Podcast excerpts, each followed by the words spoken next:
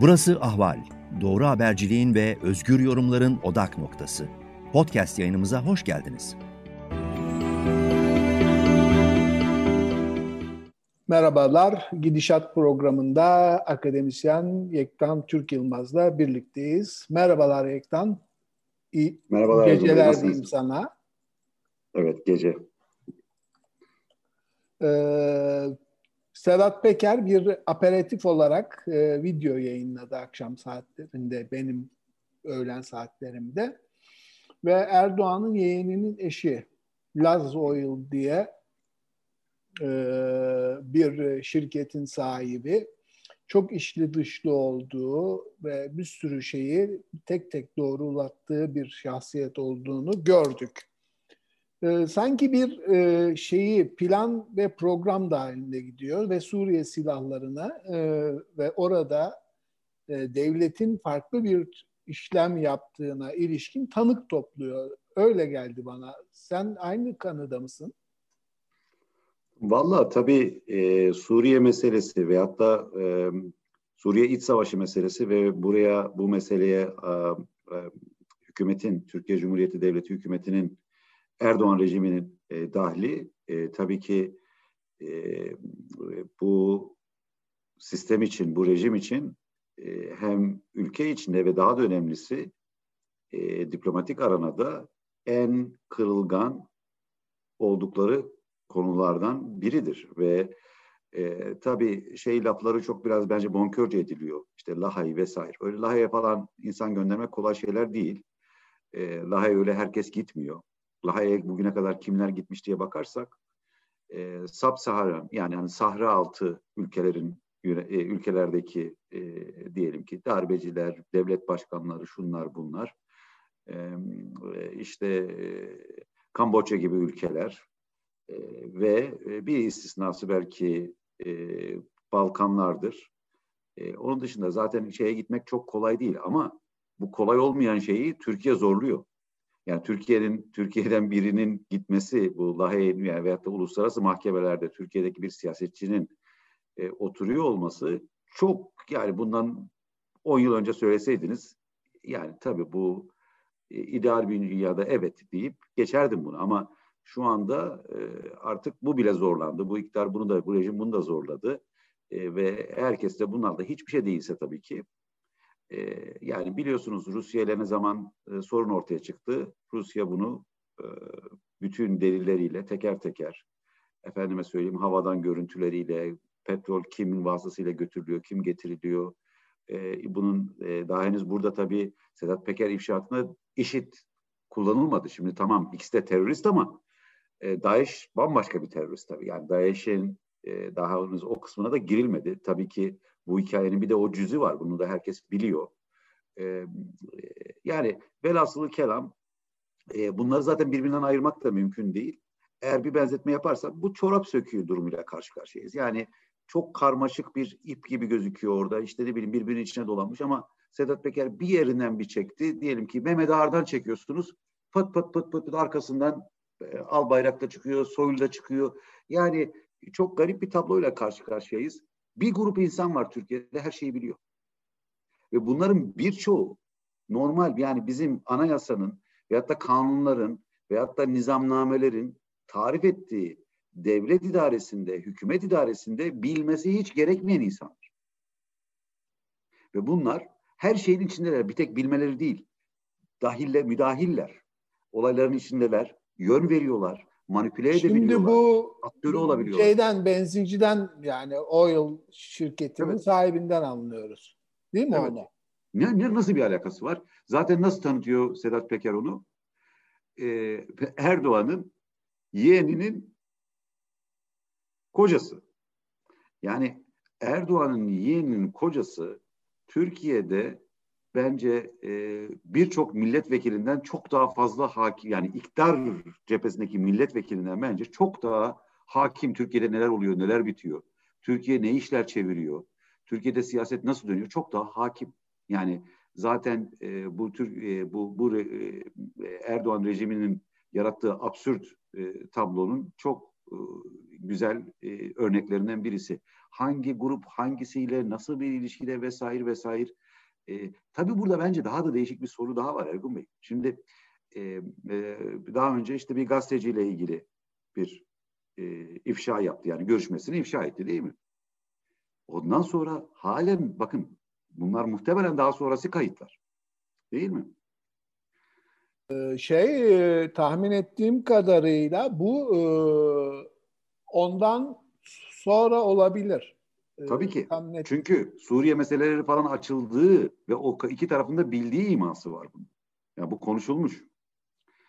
Ee, yani e, anlaşıldığı kadarıyla e, tabii bunu daha da detaylı teyit ettirmek lazım ama benim benim benim buradan anladığım bunun daha sonra olması ve e, eminim ki konuşmaya da devam ediyorlar. Yani bu rejim cephesindeki insanlar bunu bile bile.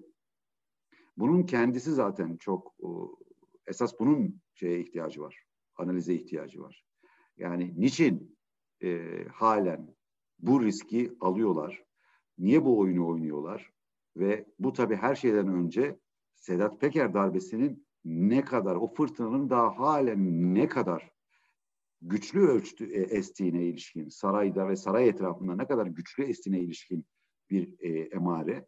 İnsanlar kendilerinin bu tür bir ifşanın hedefinde olmalarına olabilecekleri ihtimalinde riskini de göze alarak burada bir aktör al, olma gereğini hissetmeleri bence bu çok ilginç.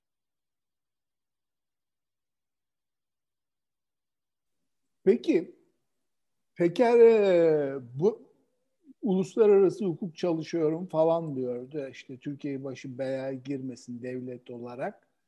Ee, sen oyun planı nasıl görüyorsun? Suriye silahları üzerinden mi er, hem eroin hem Suriye silahları üzerinden mi gelişecek bir e, şeye gidiyor sence? Bir evet, de yani son Erdoğan şey. Tayyip abi videosunu Biden e, görüşmesini e, etkilememek için e, erteledim diyor. Yani Biden görüşmesini etkileyecek önemli bilgiler mi açıklayacaktı sence?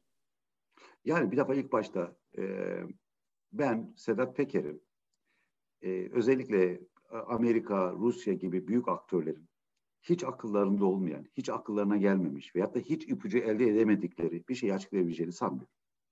Yani burada mesele, esas mesele bence mahkemeye gitmek falan da değil. Yani bir kişinin veyahut da bir devlet adamlarının e, Lahey'de şurada burada bir mahkemede oturulması da değil. Yani Türkiye öyle bir e, e, e, köşeye sıkışmış durumda ki birçok açıdan bu sıkışmışlık uluslararası sıkışmışlığı kaldırır bir durum değil. Yani mahkemeye gitmesine gerek yok. Zaten e, büyük devlet e, istihbarat servislerinin zaten bildiği bir şey, kamuoyunun bildiği bir konunun kamuoyunun direkt önüne düşmesi tabii Türkiye'yi çok zor durumda bırakıyor. Özellikle o gibi ülkelerde zor durumda bırakıyor. Çünkü kontrol edemiyor. Yani mesela Rusya kontrollü bir şekilde koyuyor değil mi bunu? Yani bu artık o kontrolü de ellerinden alıyor. Buna göre bir tavır almaları gerekiyor. Bunu artık saklanamaz hale gelmiş ve özellikle altı çizilmesi gereken bir nokta Sedat Peker ifşaatı konusunda dünya basınının olağanüstü yakın ilgisi. Olağanüstü yakın ilgisi e, her yerde baş haber olarak çıkıyor. Kuzey Amerika'da, Avrupa'da, Almanya için söyleyeyim, Almanya'da e, e, sayın sayabildiğiniz kadar. Yani dolayısıyla burada mesele Erdoğan'ın uluslararası alanda, Erdoğan rejiminin uluslararası alanda e, itibarsızlaşmasının artık başka devletler tarafından kontrollü değil de kontrolsüz bir hale gelmesi durumu var. Yani artık anlatabiliyor muyum? Putin ilişkimiz kötü olduğu zaman bunu piyasaya sürerim vesaire bir itibarsızlaştırma değil. Ve da ABD'nin işte ikili görüşmede bak bunlar var, bunlar karşına çıkar gibi değil. Yani uluslararası kamuoyunda büyük bir itibarsızlaşma ve bu tabii ki e, Türkiye'yi her açıdan çok zora sokacak bir şey. E, bir de şu var tabii ki Türkiye'nin kendi içinde hukuk, cezalandırma vesaire kalmadığı içinde böyle diplomatik önemi olan e, ifşaat daha kıymetli hale geldi. Yoksa illaki e, hemen pratik sonuçlar olacak e, olacağı için değil. E, dolayısıyla e, bu biraz da Türkiye'nin kendi içerisinde ne rezil olmanın ne de e, hukuken sorumlu olmanın artık e, e, e, mümkün olmaması uluslararası boyutunu çok kıymetli kılıyor. Bir de tabii bu rejim etrafında bir, bir, bir, iki, bir başka bir şey daha gelişti Ergun Bey. Türkiye siyasetinin iç dış ayrımı bitti artık. Yani bunu defaten başka bağlamlarda da konuştuk. Türkiye siyasetini artık iç siyaset, dış siyaset diye belki önceden de ayırmak zordu. Artık imkansız. Yani iç aktörlerin hepsinin bir çok belirgin bir dış angajmanı var. Türkiye'nin iç siyaseti dediğimiz şeyler artık çok yakından ekonomi başta olmak üzere çok yakından uluslararası tercihlerine ya da uluslararası e, konumlanmasına çok e, bağlı koşut olarak ilerliyor. Yani dolayısıyla e, bir de tabii onu da eklemek gerekiyor. Yani Türkiye'de artık zaten e, uzun zamandan beri bir iç siyaset, dış siyaset ayrımı zaten yok. E, Peki ve, Süleyman Soylu da bir yurt gezisi kampanyası başlatmış gibi görünüyor.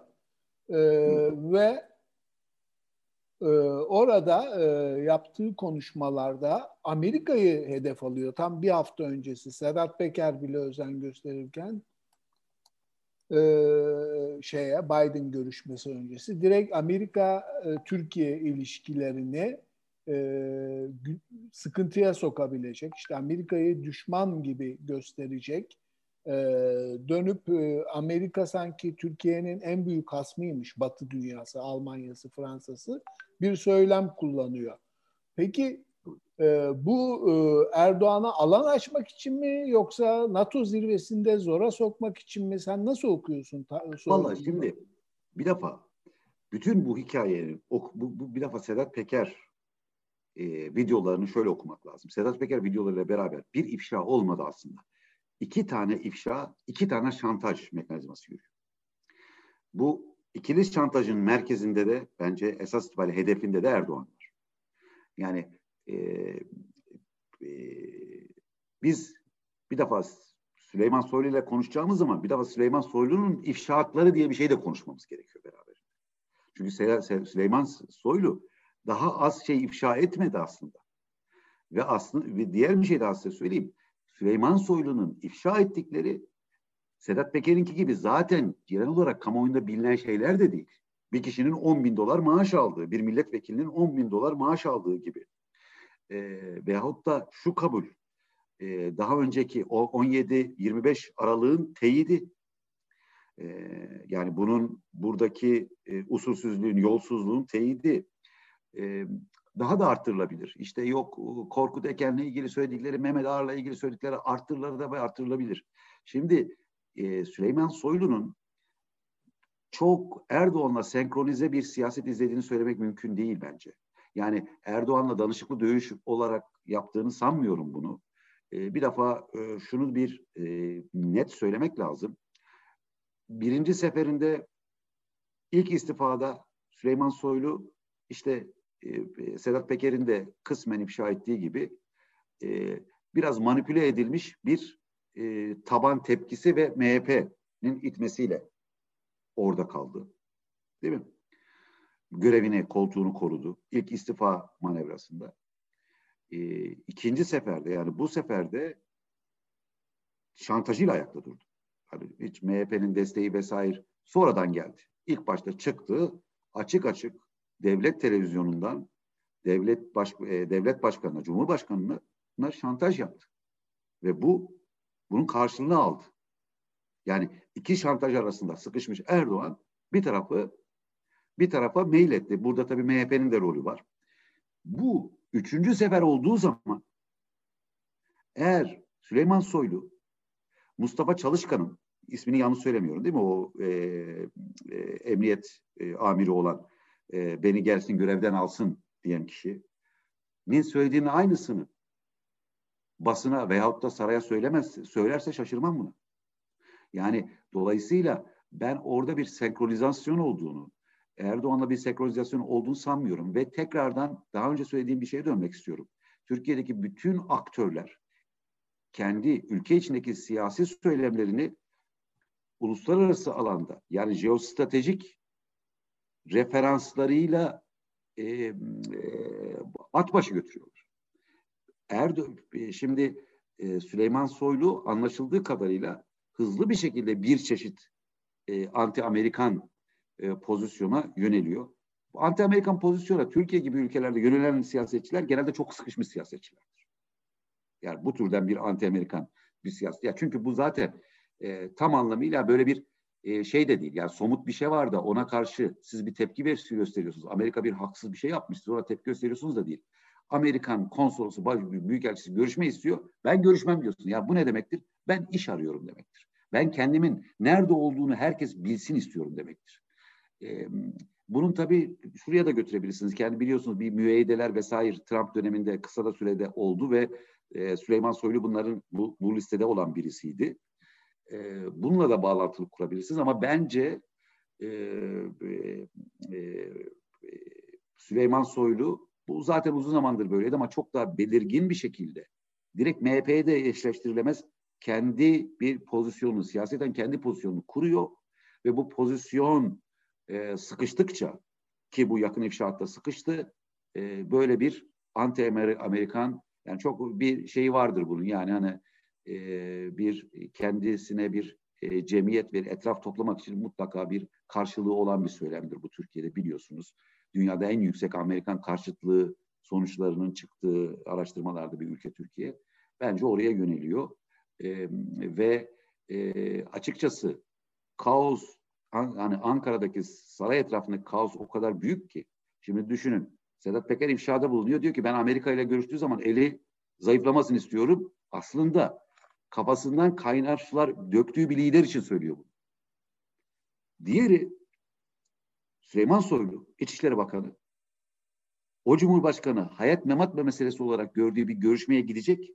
O görüşmeden önce ne kadar baltalayıcı hareket vardıysa, ne kadar e, Erdoğan'ı zora sokacak hareket vardıysa onu yapıyor. Yani e, Berat Bey sanırım en doğru tanımı yaptı bu rejim için at iziyle it izinin karıştığı bir. Yani e, şu e, senaryodan, e, şu tablodan nasıl bir sonuç çıkartabilirsiniz? E, ben daha çok kendi konumunu e, kuvvetlendirme, e, onu o, o, o, o mevzisini e, güçlendirme e, çabası olarak görüyorum. Belli bir ekip içerisinde, belli bir çevre içerisinde. E, bu Süleyman Soylu'nun tavrını öyle görüyor, okuyorum. Peki hala Halk Bankası temiz kararı çıkmadı. Bilen arkadaşlar ısrarla onun e, siyasetle ilgili olmasında olmadığı konusunda iddialılar ama e, NATO konusunda o duruşma, temiz davası ve yani sert bir e, çıkış gelebilir mi Erdoğan'a yoksa daha yumuşak bir üslup mu bekliyorsun sen? Nasıl bir şey bekliyorsun? Şimdi e, eğer geçenlerde de konuştuğumuz gibi eğer Biden ısrarla yani bir defa Biden'dan yumuşak bir şey gelmeyecek Erdoğan'a karşı. Bu çok net. Yani bunu konuşmuyor. Ama bu şu demek değil. E, e, bu çok söyleniyor. Türkiye'siz ya Türkiye'yi niçin gözden çıkartmasın falan diye. E, ABD. E, ABD Erdoğan'ı gözden çıkartmış durumda zaten bence. Yani e, Erdoğan'ı Erdoğan'la bir mecburiyet ilişkisi var birçok Avrupa ülkesi olduğu gibi bir mecburiyet ilişkisi var. Ve bu e, Türkiye'nin ben yine de önemini küçümsememek gerektiğini düşünüyorum. Bu gibi uluslararası aktörlerin gözünde. E, Türkiye önemli bir jeopolitik güç. Türkiye önemli bir halen G20'nin üyesi bir ülke. Halen dünyanın en büyük e, ateş gücüne sahip e, ilk yine 20'de sanırım bir ülke e, ilk 20'nin de üstlerinde yukarılarında şu anda tam tabii gece burada ilerleyen saat böyle şeyler çok aklıma hemen gelemiyor. E, e, konumu vesaire. Bu olmayacaktır. Ama şunu söyleyeyim. E, eğer teke tek bir görüşme ise Erdoğan için çok Erdoğan gibi bir liderin kaldırmasının çok zor olduğu bir görüşme olduğunu olacağını düşünüyorum. Şimdi burada tabii herhangi bir Erdoğan gitmiyor o görüşmeye çok sıkışmış bir Erdoğan gidiyor. Çok sıkışmış bir Erdoğan ve ısrarla şunu söylüyor. Tekrar tekrar söylüyor. Biden'la bir görüşmem var. Bu görüşme inşallah bizi kurtaracak. Yani oraya bir e, kurtarıcı gözüyle bakıyor o görüşmeye. Kurtaracak. Şimdi buradan ne çıkacağız? Çıkartacağız. Bir de Jeffrey'i hatırlıyorsunuz değil mi? Bu e, Suriye e, temsilcisi ve sonra e, e, bu görevinden e, görevi bıraktıktan sonra açıklamalar yaptı hatırlarsınız. E, yani ancak dedi işte çok amiyana söylersek. Sanki e, o adı konulmamış bir e, lobici gibi değil mi Türkiye evet, adına? Çok, çok çok çok bir de tabii çok karanlık isimlerden birisi. E, Türkiye'yi çok iyi bilen bir kişi. E, demokratlarla çok arası olan birisi değil. Ama e, bence e, sonuç itibariyle orada bir devlet aklının birikimi var. Yani Türkiye'de olmayabilir o akıl ama Amerika'da var tabii ki. O da şu. Bence Erdoğan'daki ikili şeyi çok iyi çözüyorlar. İki e, psikolojik durum kaldı ki bence bunun bir paralı psikolojik paraleli bir psikolojik durum Sedat Peker. E, o da şu, belki farklı biçimde. Çok aynı aynılaştırarak söylemek istemiyorum bunu. Farklı biçimde. O da şu. İlk başta e, e, Tayyip Erdoğan'la ilgili söyleyeyim. İkili rolünü düşünün. Yani şiddete maruz kalan, ailesinde şiddete maruz kalan bir baba figürüyle sorunu olan bir kişiyi düşünün. Ve buradaki ikili rolünü düşünün. Bir, baba rolünü aldığı zaman. İki, çocuk rolünü aldığı zaman. Jeffrey'nin anlattığı şu. Siz Erdoğan'ı babasının karşısındaki çocuk rolüne getirdiğiniz zaman istediğinizi alıyorsunuz diyor. Anlatabiliyor muyum? Diğer zamanlarda da normal siyasi sahneye çıktığı zaman da baba rolünü oynuyorsun tabii ki. Şimdi Erdoğan bu rolü oynadığı zaman hiçbir dünya yönetimi hayır bunu istemiyoruz demez zaten. Zaten görüşmez o zaman size. Buradaki esas mesele şu. Biden yönetimi de illaki ve illaki ben şuna bir haddini bildireyim noktasında olacağını sanmıyorum. Çok sert yaklaşsa bile. Mesele şu. Yani talepleri var. Onları yani e, şey gibi öğretmen gibi ikmale bütünlemeye Tabii ki. bir çocuğa Tabii. şunları Tabii. şunları çalış Tabii. Eylül'de gel gibi Tabii. bir şey. Ezerek olacak, ama bu sefer ezerek yapmaya çalışacaklardır. Yani çünkü bence onlar da o dersleri aldılar. Anlatabiliyor muyum? Yani bu birbirine böyle zıt gibi görünen iki rolü oynadığını çözdüler bence. Ee, ve burada mesele zaten ABD'nin durumu toparlamaya çalışmak istememesi değil. ABD tabii ki durumu toparlamak isteyecektir.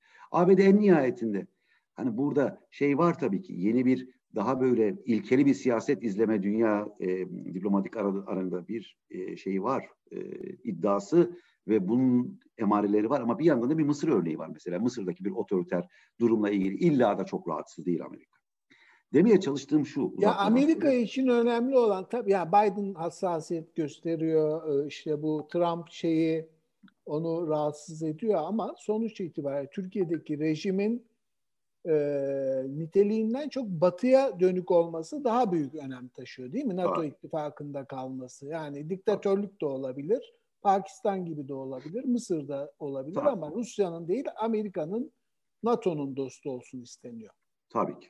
Tabii. Ve dolayısıyla bu çaresiz Erdo bu derece çaresiz bir Erdoğan bu kadar e, e, eğer öylesi bir e, diyelim ki pazarlığa açık veyahut da o karşı tarafın taleplerine açık bir şekilde giderse o toplantıya muhtemelen kimse de hadi canım istemiyoruz git buradan kov hani böyle bir şey yapmayacaklardır. Yani bir devlet siyasetinde bunun karşılığı yok.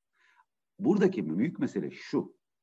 Bu gibi fırsatları değerlendirebilme potansiyeline, vizyonuna ve kaynaklarına sahip bir iktidar yok Türkiye cephesi.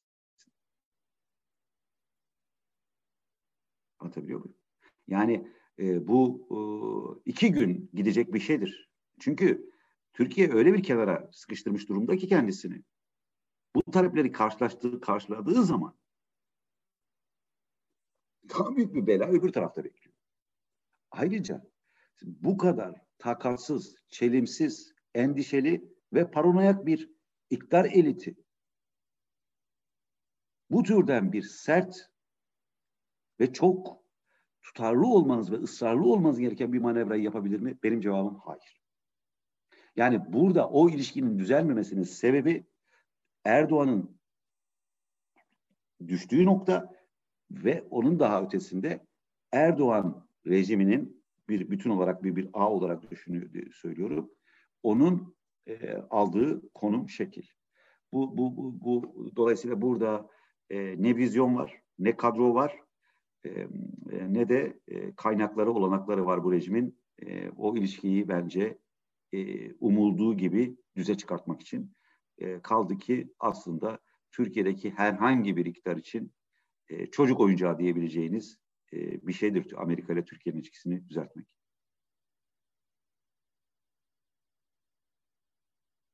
Peki e, bu açıdan bakınca Erdoğan şimdi eğer bir anlaşmaya varırsa S-400'lerde Putin'e kazık atacak. Biden veya Batı ittifakı iki yıl, üç yıl sonra tekrar dönüp e, Amerika ve Batı ittifakına kazık atmayacak bir lider veya rejimle karşı karşıya e, olup olmadığına emin olabilecek mi? Öyle bir güven katsayısı var mı sence? Biden mi diyorsun? Bir şey olmamış. Biden mi diyorsun? Ya da yani Batı ya zaten ittifakı. bu sefer muhtemelen ev ödevi vereceklerdir. Yani bir yol haritasından çok yani yol haritasından daha ziyade bir ev ödevi verip göndereceklerdir. İşlerin geldiği nokta itibariyle. Çünkü şunu biliyor artık ABD yönetimi çok iyi biliyor. Trump zamanında yani Trump evet e, Erdoğan'la ilişkileri çok devlet adamlığı ötesinde ilişkilerdi. Ama en nihayetinde o dönemde de ABD yönetiminin rahatsızlıklarını e, iletmediği, bu konunun bunun üzerine gitmediğini söylemek mümkün değil. Şimdi orada Erdoğan'ın yaptığı manevralardan ders çıkarttılar tabii ki. Bir konuya ben bir örnek vereyim. Bu e, rahip e, e, Ransom, e, e, ismi gitti bir an aklımda. E, e, Branson. Ha, Branson e, meselesinde ilk bir anlaşma yapıldı. Sonra bir ev hapsi çıktı. Ya bizi kandırıyorlar dedi Trump hatırlıyor musunuz? Yani bunların hepsi tabii ki orada not edildi. Yani e, şey gibi e, yani hani söz verip yapmamak, fırsat bulup kaytarmak vesaire. Yani artık bunu bunu bunu bunu bunu kabul etmeyeceklerini, net söyleyeceklerini düşünüyorum. E, bu olmayacağını ev ödevi verip göndereceklerdir. E, ve e, işte benim benim de burada söylediğim o ev ödevini yapabilecek bir tırnak içerisinde öğrenci yok.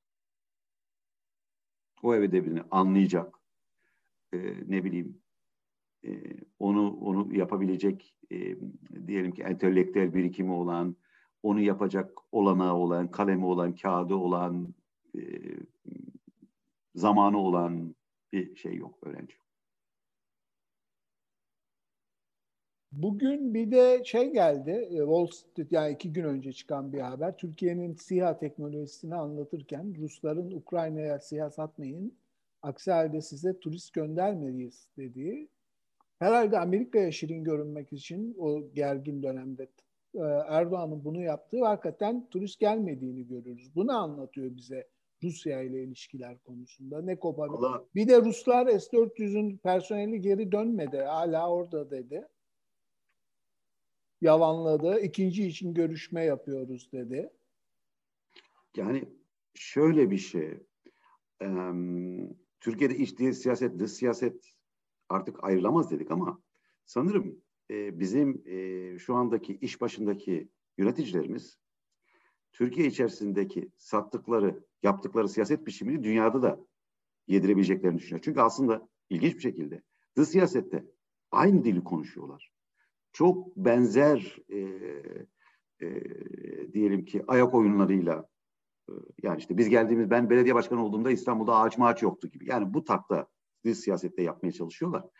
Yaptıkları zaman da ne oluyor biliyor musunuz? Her attıkları bir adım bir sonrası durumda daha az ihtimal bırakıyor önlerinde. Şimdi o dediğiniz kısım zaten şimdi ABD ile ilişkileri düzeltelim diyelim. Düzeltmeye çalışacak bir e, Türkiye yönetiminin bugün başında çok büyük bela var.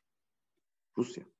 Yani e, hani o bir atasözü söylenirdi. Ben onu burada söylemeyeyim. Bir Rus atasözü veyahut da şöyle ima edeyim. Yani siz o dansa kaldığını, kalktığınız zaman öbür taraf isteyene kadar o dansı devam ettirmek durumunda kalıyorsunuz. Yani e, e, sanırım e, Türkiye'deki iş başındakiler e, bugüne kadar e, bir belli bir standartta yürüyen Batı'yla, Batı diplomasisiyle Rusya tipi, Çin tipi diplomasiyi birbirine çok karıştırıyorlar. Orada işler öyle yürümüyor tabii ki. E, ve orada e, çok acımasız ve çok sert e, çok daha e, bir de yakınlığını düşündüğünüz zaman ve bir de tabii ki diğer bir şey düşünün. Türkiye'nin başının belada olduğu her uluslararası problemde direkt karşısında olan güç Suriye, e, şey Rusya.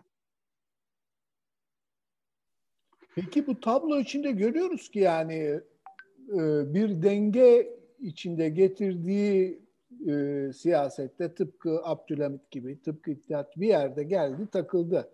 Burada şeyi mi tercih edecek sence son kertede ekonominin durumu nedeniyle Batı'yı mı? Yani işte ona tercih, şimdi tercih, tercih bitti Ergun Bey. Benim anlatmaya çalıştığım o. Mecburiyetten yapılıyor her şey. Mecbur hissediyorlar şu anda Batı ile durumu toparlamak için. Ama bunu yapacak da durumları yok. Tabii ki öyle. Yani e, Çin, Çin bir ihtimal ama yani Çin'le e, kurulan ekonomik ilişkilerin çok e, yani bir Afrika ülkelerine bir bakabilirler. Nasıl ilişkiler kuruyor Çin ekonomik olarak e, başka devletlerle görmek için. E, yani e, ayrıca Rusya'nın zaten Rusya'nın bir ekonomik kaynak olarak yani Türkiye gibi büyük bir ekonomiye mutlaka mutlaka tüm önemsizdir demiyorum ama yani Avrupa ve ABD ile tabii karşılaştırılamaz bir şey. Mecburlar. Mecburlar. Yani şu anda Rusya Texas ekonomisinden daha küçük yani Kaliforniya'dan Texas'tan yani, bir gerçekten.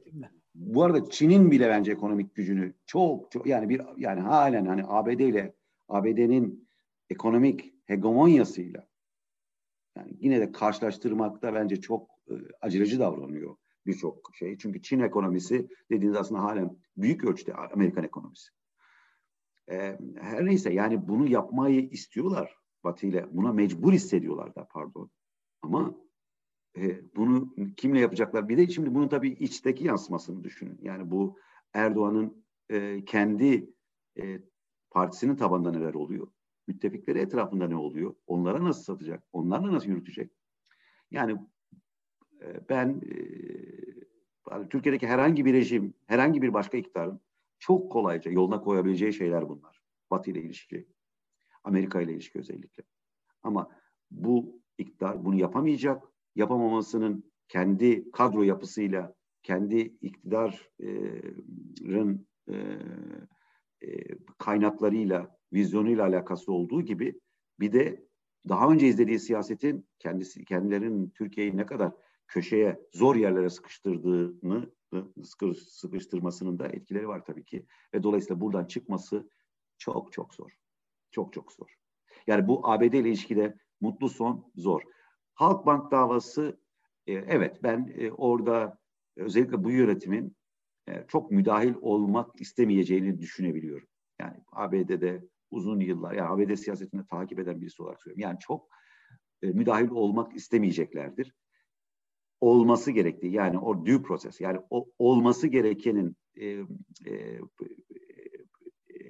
diyelim ki e, usulün bürokratik e, e, kanunların tarif ettiği usule uygun yürümesini sadece isteyeceklerdir. E, bence bu zaten Türkiye için yeteri kadar kötü. Ya Türkiye Türkiye iltimas geç vermediği zaman siz hoca öğrenci şey konuştu koy, koydun, e, örneği verdiniz ya. Türkiye iltimas geçmediğini sürece Türkiye her dersten çakar. Öyle durumda. Ya bunu uzatmayalım yani şey yapmayalım. Dolandırmaya gerek yok. Peki bu e, büyük bir çöküş işte yani Marmara Denizi'nin hali ortada, doğaya yapılan e, vahşet ortada, ağaçlar kesiliyor, ormanlar yakılıyor, dereler, göller kurutuluyor. İşte Bodrum'da lüks otellere mermer tozu ya da bir çeşit asit döküldüğü Maldivler gibi olsun diye ve balıkların öldürüldüğü, denizlerin e, kirletildiği ortaya çıkıyor.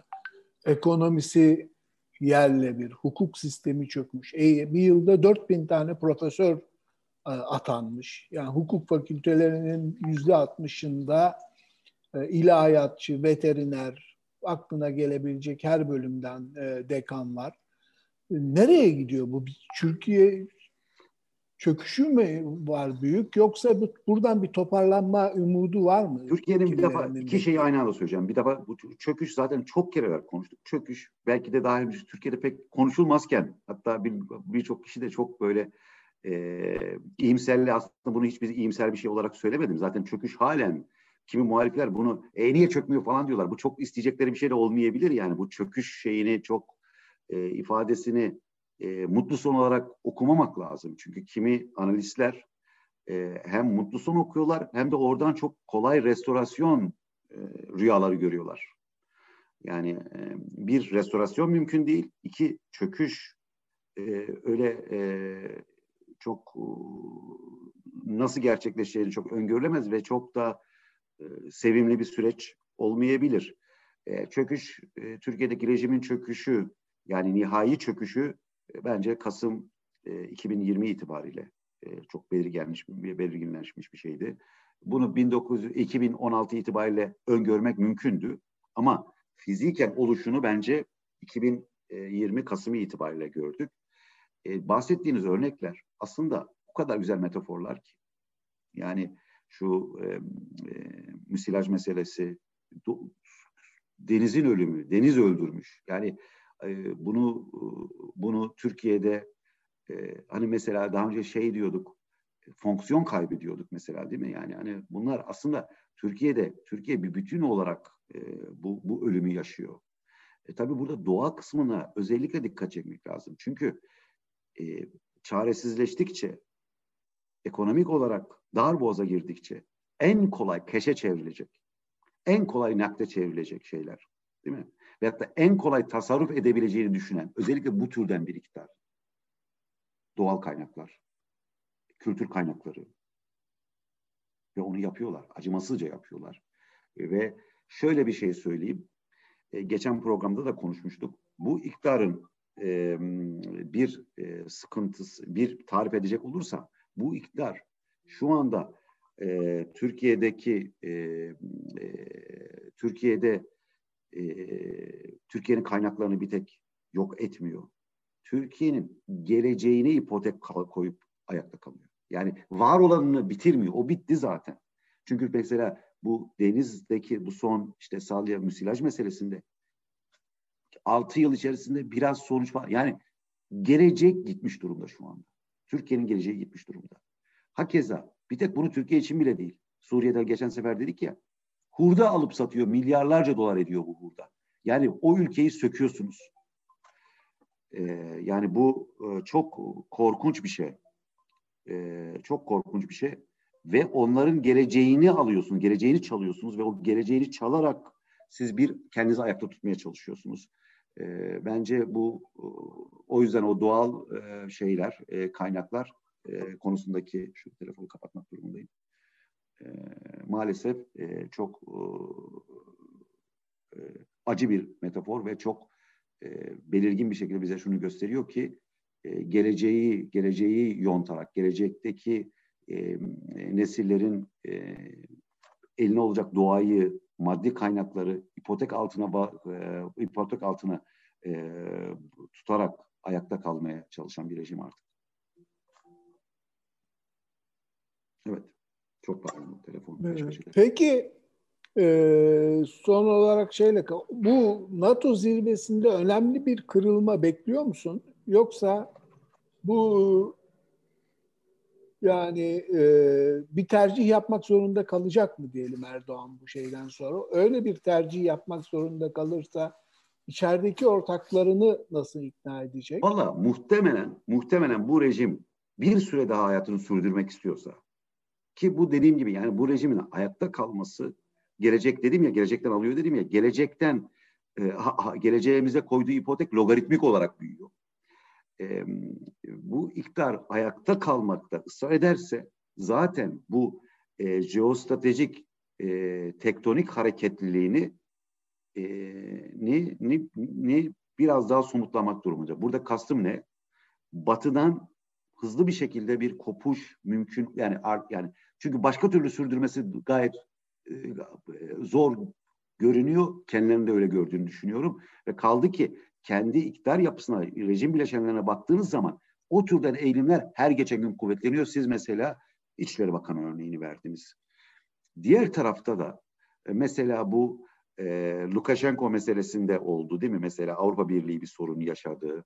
E, hakeza Rusya ile ilgili başka türlü tavırlar konusunda, Rusya'nın etrafıyla ilgili başka türlü konular konusunda Türkiye sürekli sorun çıkartıyor. Yani e, anladığım kadarıyla hem Avrupa Birliği içerisinde hem NATO içerisinde bununla ilgili bir çözüm düşünme, e, bununla ilgili bir buna bir e, çözüm bulma çabası e, e, bence kuvvetlenecek. Bunun somut sonucu ne olabilir? E, Türkiye mecburen kendisini zaten doğuya yani başka türlü ihtimaller doğu da önceden bir şekilde bir şey Rusya diyorduk. Şu anda alternatifleri var. Yani Rusyacı olmak, Çinci olmak, Azerbaycancı olmak farklı senaryolar var. E, e, bunlardan birine e, daha hızlı, daha net yöneldiğini e, Türkiye'nin görebiliriz. Oradan gelecek tepkiye göre gayet muhtemeldir. Ama o da sanırım daha böyle e, NATO'dan gelen tepkiler daha e, e, diyelim ki seviyeli ve e, aşamalı olacaktır. Ama Türkiye bunlara çok sert tepkiler verebilir ve hızlı bir şekilde doğuya yönelebilir. Çok muhtemel. Çok muhtemel çünkü iktidar bileşenler arasında da bu farklı versiyonlarıyla NATO karşıtı e, eğilimler hızla güçleniyor gibime geliyor. Tabi bunların hepsini konuşuyoruz. Eğer şu anda olduğu gibi giderse ama hiç akılda unutmamak lazım ki yarın kalktık baktık çok aklımıza gelmeyen bir şeyler olmuş. Ankara'da, İstanbul'da, bir Türkiye'de bunların hepsini bunu, bunu da hep akılda tutmak gerekiyor. Çünkü Türkiye çöküş diyoruz. Çakılmanın çakılmayı her an bekleyebiliriz. Yani bugün yani her an beklemek mümkün Türkiye'deki şu gibi bir kaotik e, şey içerisinde e, e, siyasi panorama içerisinde.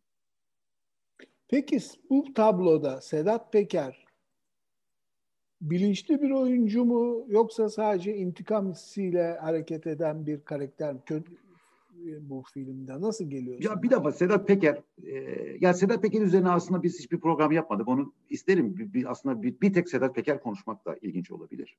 Yani çünkü bir tek bu ifşa üzerinden değil. Yani Sedat Peker, yani bizde bir garip bir e, tarihe saplanma şeyi var. Yani tarihle açıklama hikayesi var. Yani mesela Sedat Peker'i anlamak için hemen insanlar otomatik olarak susurluk üzerinden anlamaya çalışıyorlar.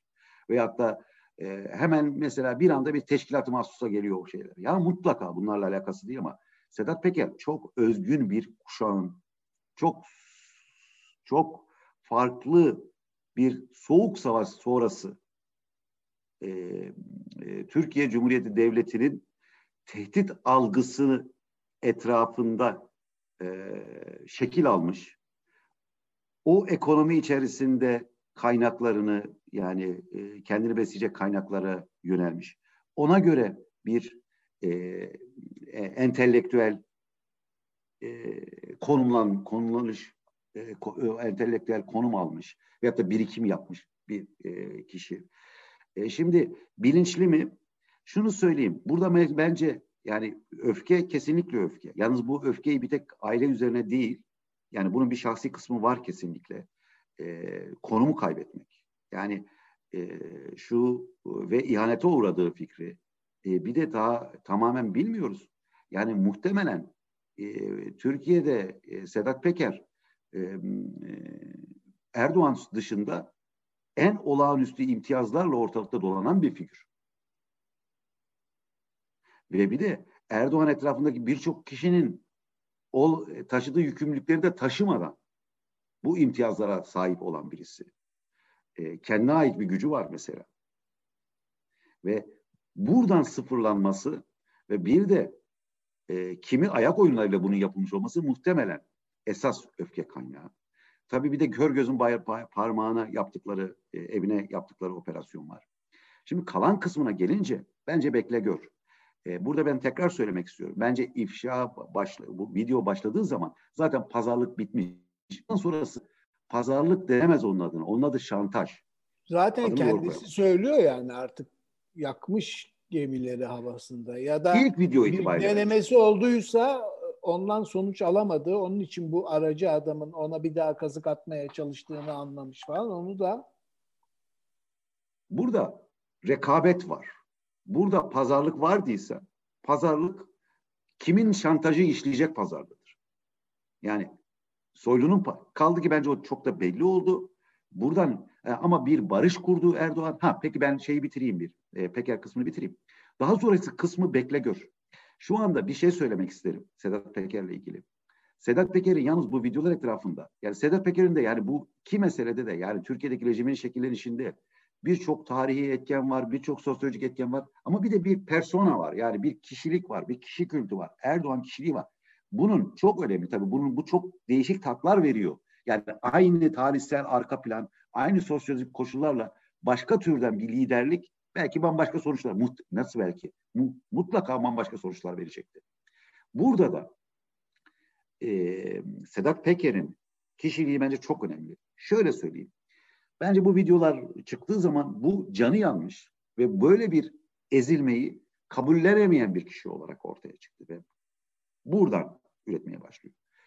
Ve beraberinde öyle bir alttan dalga çıkıp geliyor ki ki bu bence bu dalga çok önemli.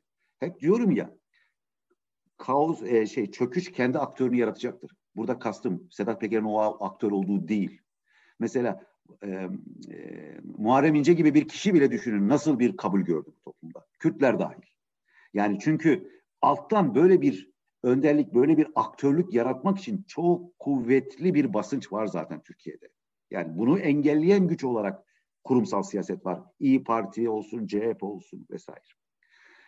Bu ifşaat başladıktan sonra bu alttan gelen dalga beraberinde daha önce de söyledik. Bundan zevk almaya başladı. Yani büyük zevk almaya başladı. Bunun tadını çıkartmaya başladı. Bu ilgiyle beraber. Ve şunu söylüyor. Ben megalomanım, megalo, me, me, megalomanım diyor. Ve Erdoğan'la ikisinin bir ortak özelliği var bence. İkisi de yatay ilişki kurmayı beceremeyen kişiler. Ve gelinen nokta itibariyle yani abi daha önce de söylemiştim. Abi muhtemelen sarayda duyulduğu zaman çok rahatsız en yani e, e, belki çok ağır ifadeler kullansaydı o kadar rahatsız etmeyebilirdi. Çünkü abi dediğim gibi eşit ilişki, yatay ilişki kuramayan birine bir yataylık iması. İkincisi bu kişi günü geliyor Mehmet Ağar'a da mı abi diyor. O Hadi Özışık'a da abi diyor. Erdoğan da abi diyor. Şimdi Erdoğan gibi birisi bunu kabul eder mi? Etmez. Toparlayayım. Ve bence e, e, Sedat Peker'in stratejisini bekle gör belirledi. E, belirledi. Yani bir şey adım atıyorsunuz, bir sonuç gözlemliyorsunuz, ona göre bir sonraki geliyor. Ve gelinen noktada artık bence Erdoğan'dan talepkar durumda bile değil. Muhtemelen bu kişi kendini Erdoğan'ın çok daha üstünde görüyor şu an. Dünyada, dünya bütün dünyanın ağzının içine baktı. Ne yaptığı sürekli merak konusu. Türkiye'deki herkes şimdi o konuşmalarına bakın. Neler oluyor diyor mesela. Çok büyük merak. Orada duyduğu şey oradaki sarsıntı. Değil mi? Ve bu çok büyük bir bence e, o e, megalomaniyi besliyor. Ve şu anda yani bir tek e, pazarlık geçmiş. Zaten pazarlık ilk video itibariyle bence yok. Onun adı şantaj. E, ve şu an itibariyle bence kendisini çok daha yukarılarda bir yerde görüyor. Ve e, bu arada zaten zaman geçtikçe bu şey kısmı da e, artıyor dikkat ederseniz. Popülerleşme çabası, e, efendime söyleyeyim sanki e, çok büyük bir e, ideolojik e, mücadelenin bir e, aktörü olarak vardı ve şu anda yaptıkları onun devamıymış gibi bir e, topla ortaya koyması. Evet bence şu anda kendisini muhtemelen yani e, daha önce belki ilk bu işe başladığı zaman o eşitsizlik e, onun da kabul edeceği bir şeydi. Güç eşitsizliği. Evet şu anda da muhtemelen eşit ilişki kurmuyor ve bana en olası geleni benim gördüğüm, benim anladığım, benim okuduğum artık bırakın e, eşit görmemeyi kendisini e, gayet yukarıda görüyor. E, çok daha ilgi gören, çok daha belirleyici olan hem ülke içinde olup bitenle hem bütün dünyanın gözü üzerinde olmasıyla bu arada tabii bilemediğiniz şeyler de var. E, biz yani siz Ergun Bey herhangi bir e, büyük bir devletin istihbarat e, şey olsanız böyle bir durumu ilgisiz bırakır mısınız? Yani burada komplo teorisi üretmeye gerek yok. Kim bırakır? Türkiye bırakır. Ya, uyuşturucu var, silah Kim bırakır? işareti var, işit var, her şey var. Kim bırakır? Kim bırakır? Ve buradaki rahatlığa dikkat edin. Yani her geçen günde rahatlıyor. Yani 2-3 hafta sonraki yani daha önce mesela beni bugün alırdınız, yarın alırsınız, alabilirsiniz falan filan da gitti biliyor farkındaysınız. Yani muhtemelen e, orada değil. Değil. O nokta. Yani o ilk olduğu yerde değil. Onun rahatlığı Dediğim var. gibi kendisini daha yukarıda gördüğünü düşünüyorum. Yani Erdoğan'a yukarıdan baktığını düşünüyorum. Peki. E, var mı başka eklemek istediğin Ya bir çok şey bu var ama bence yeteri kadar konuştuk. Bugün biraz tabii geç olduğu için enerji de düşüyor. E, dinleyiciler bunu Peki bir tane daha yaptıktan sonra belki pazartesi, salı tekrar e, Peker üzerine tabii tabii bir de konuşuruz. çocuk tabii uyuyan çocuğu uyandırmama çaba şeyimiz. E, ona göre bir e, de dikkat. E, e, umarım e, izleyiciler bunu anlayışla karşılayacaklardır. Ağzına sağlık tekrar. Ben Çok teşekkür teşekkürler. İyi geceler. İyi geceler.